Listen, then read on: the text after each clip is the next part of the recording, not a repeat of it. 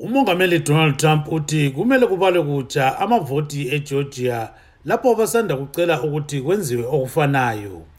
Wenza lokhu ezinye izabelo zikhangelelwe ukuba zizavumelana ukuthi ukhetho lwenziwa ngemfanelo. Ngakho-ke kumele ama-electoral votes anikwe owanqoba kukhetho lukamongameli umnumzana joseph biden owebandla lamademocrats.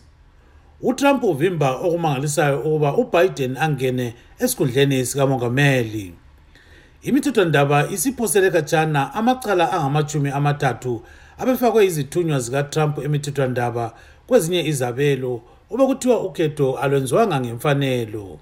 Kukhanya engani utrump usevimba ukuthi izabelo zethulele abakuqula le-electoral college.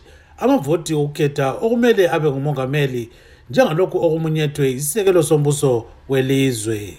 Onqoba ukhetho lolu kumele avotelwe ngabantu laba engakagcotshwa ngozibandlela.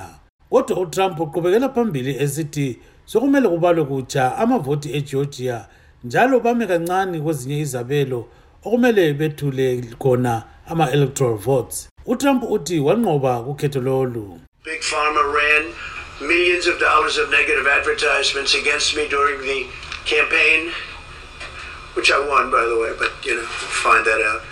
Uh, baningi abantu babefaka ama-advertisement bengiqothoza kodwa mbona ngani mina nganqoba ukhetho lolu singakhangela ke 74 million amavoti army. Baningi sibili abantu ababephikisana lami kodwa-ke kulo msebenzi okwakumele ngiwenze? Uh,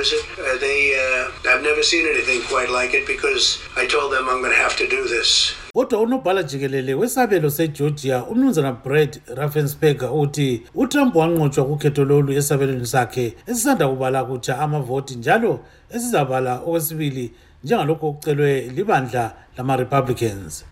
Like other Republicans, I'm disappointed our candidate didn't win Georgia's electoral votes. Close elections sow distrust. People feel their side was cheated. We saw this njengomrepublican lami ngizwa ubuhlungu obokuthi omunye wami kazange anqobe kukhetho lolu lokhu kwenzakala kuma-democrats ngomnyaka ka-2016 kodwa-ke nxa sikhangela inombolo inombolo phela zileqiniso sonke isikhathi lokhu yisifiso sikazulu that we have presented today are correct. The numbers reflect verdict of the people. ubiden uthi kuyayangisa okwenziwa ngutrump I think they're witnessing incredible irresponsibility, incredibly damaging messages being sent to the rest of the world about how democracy functions.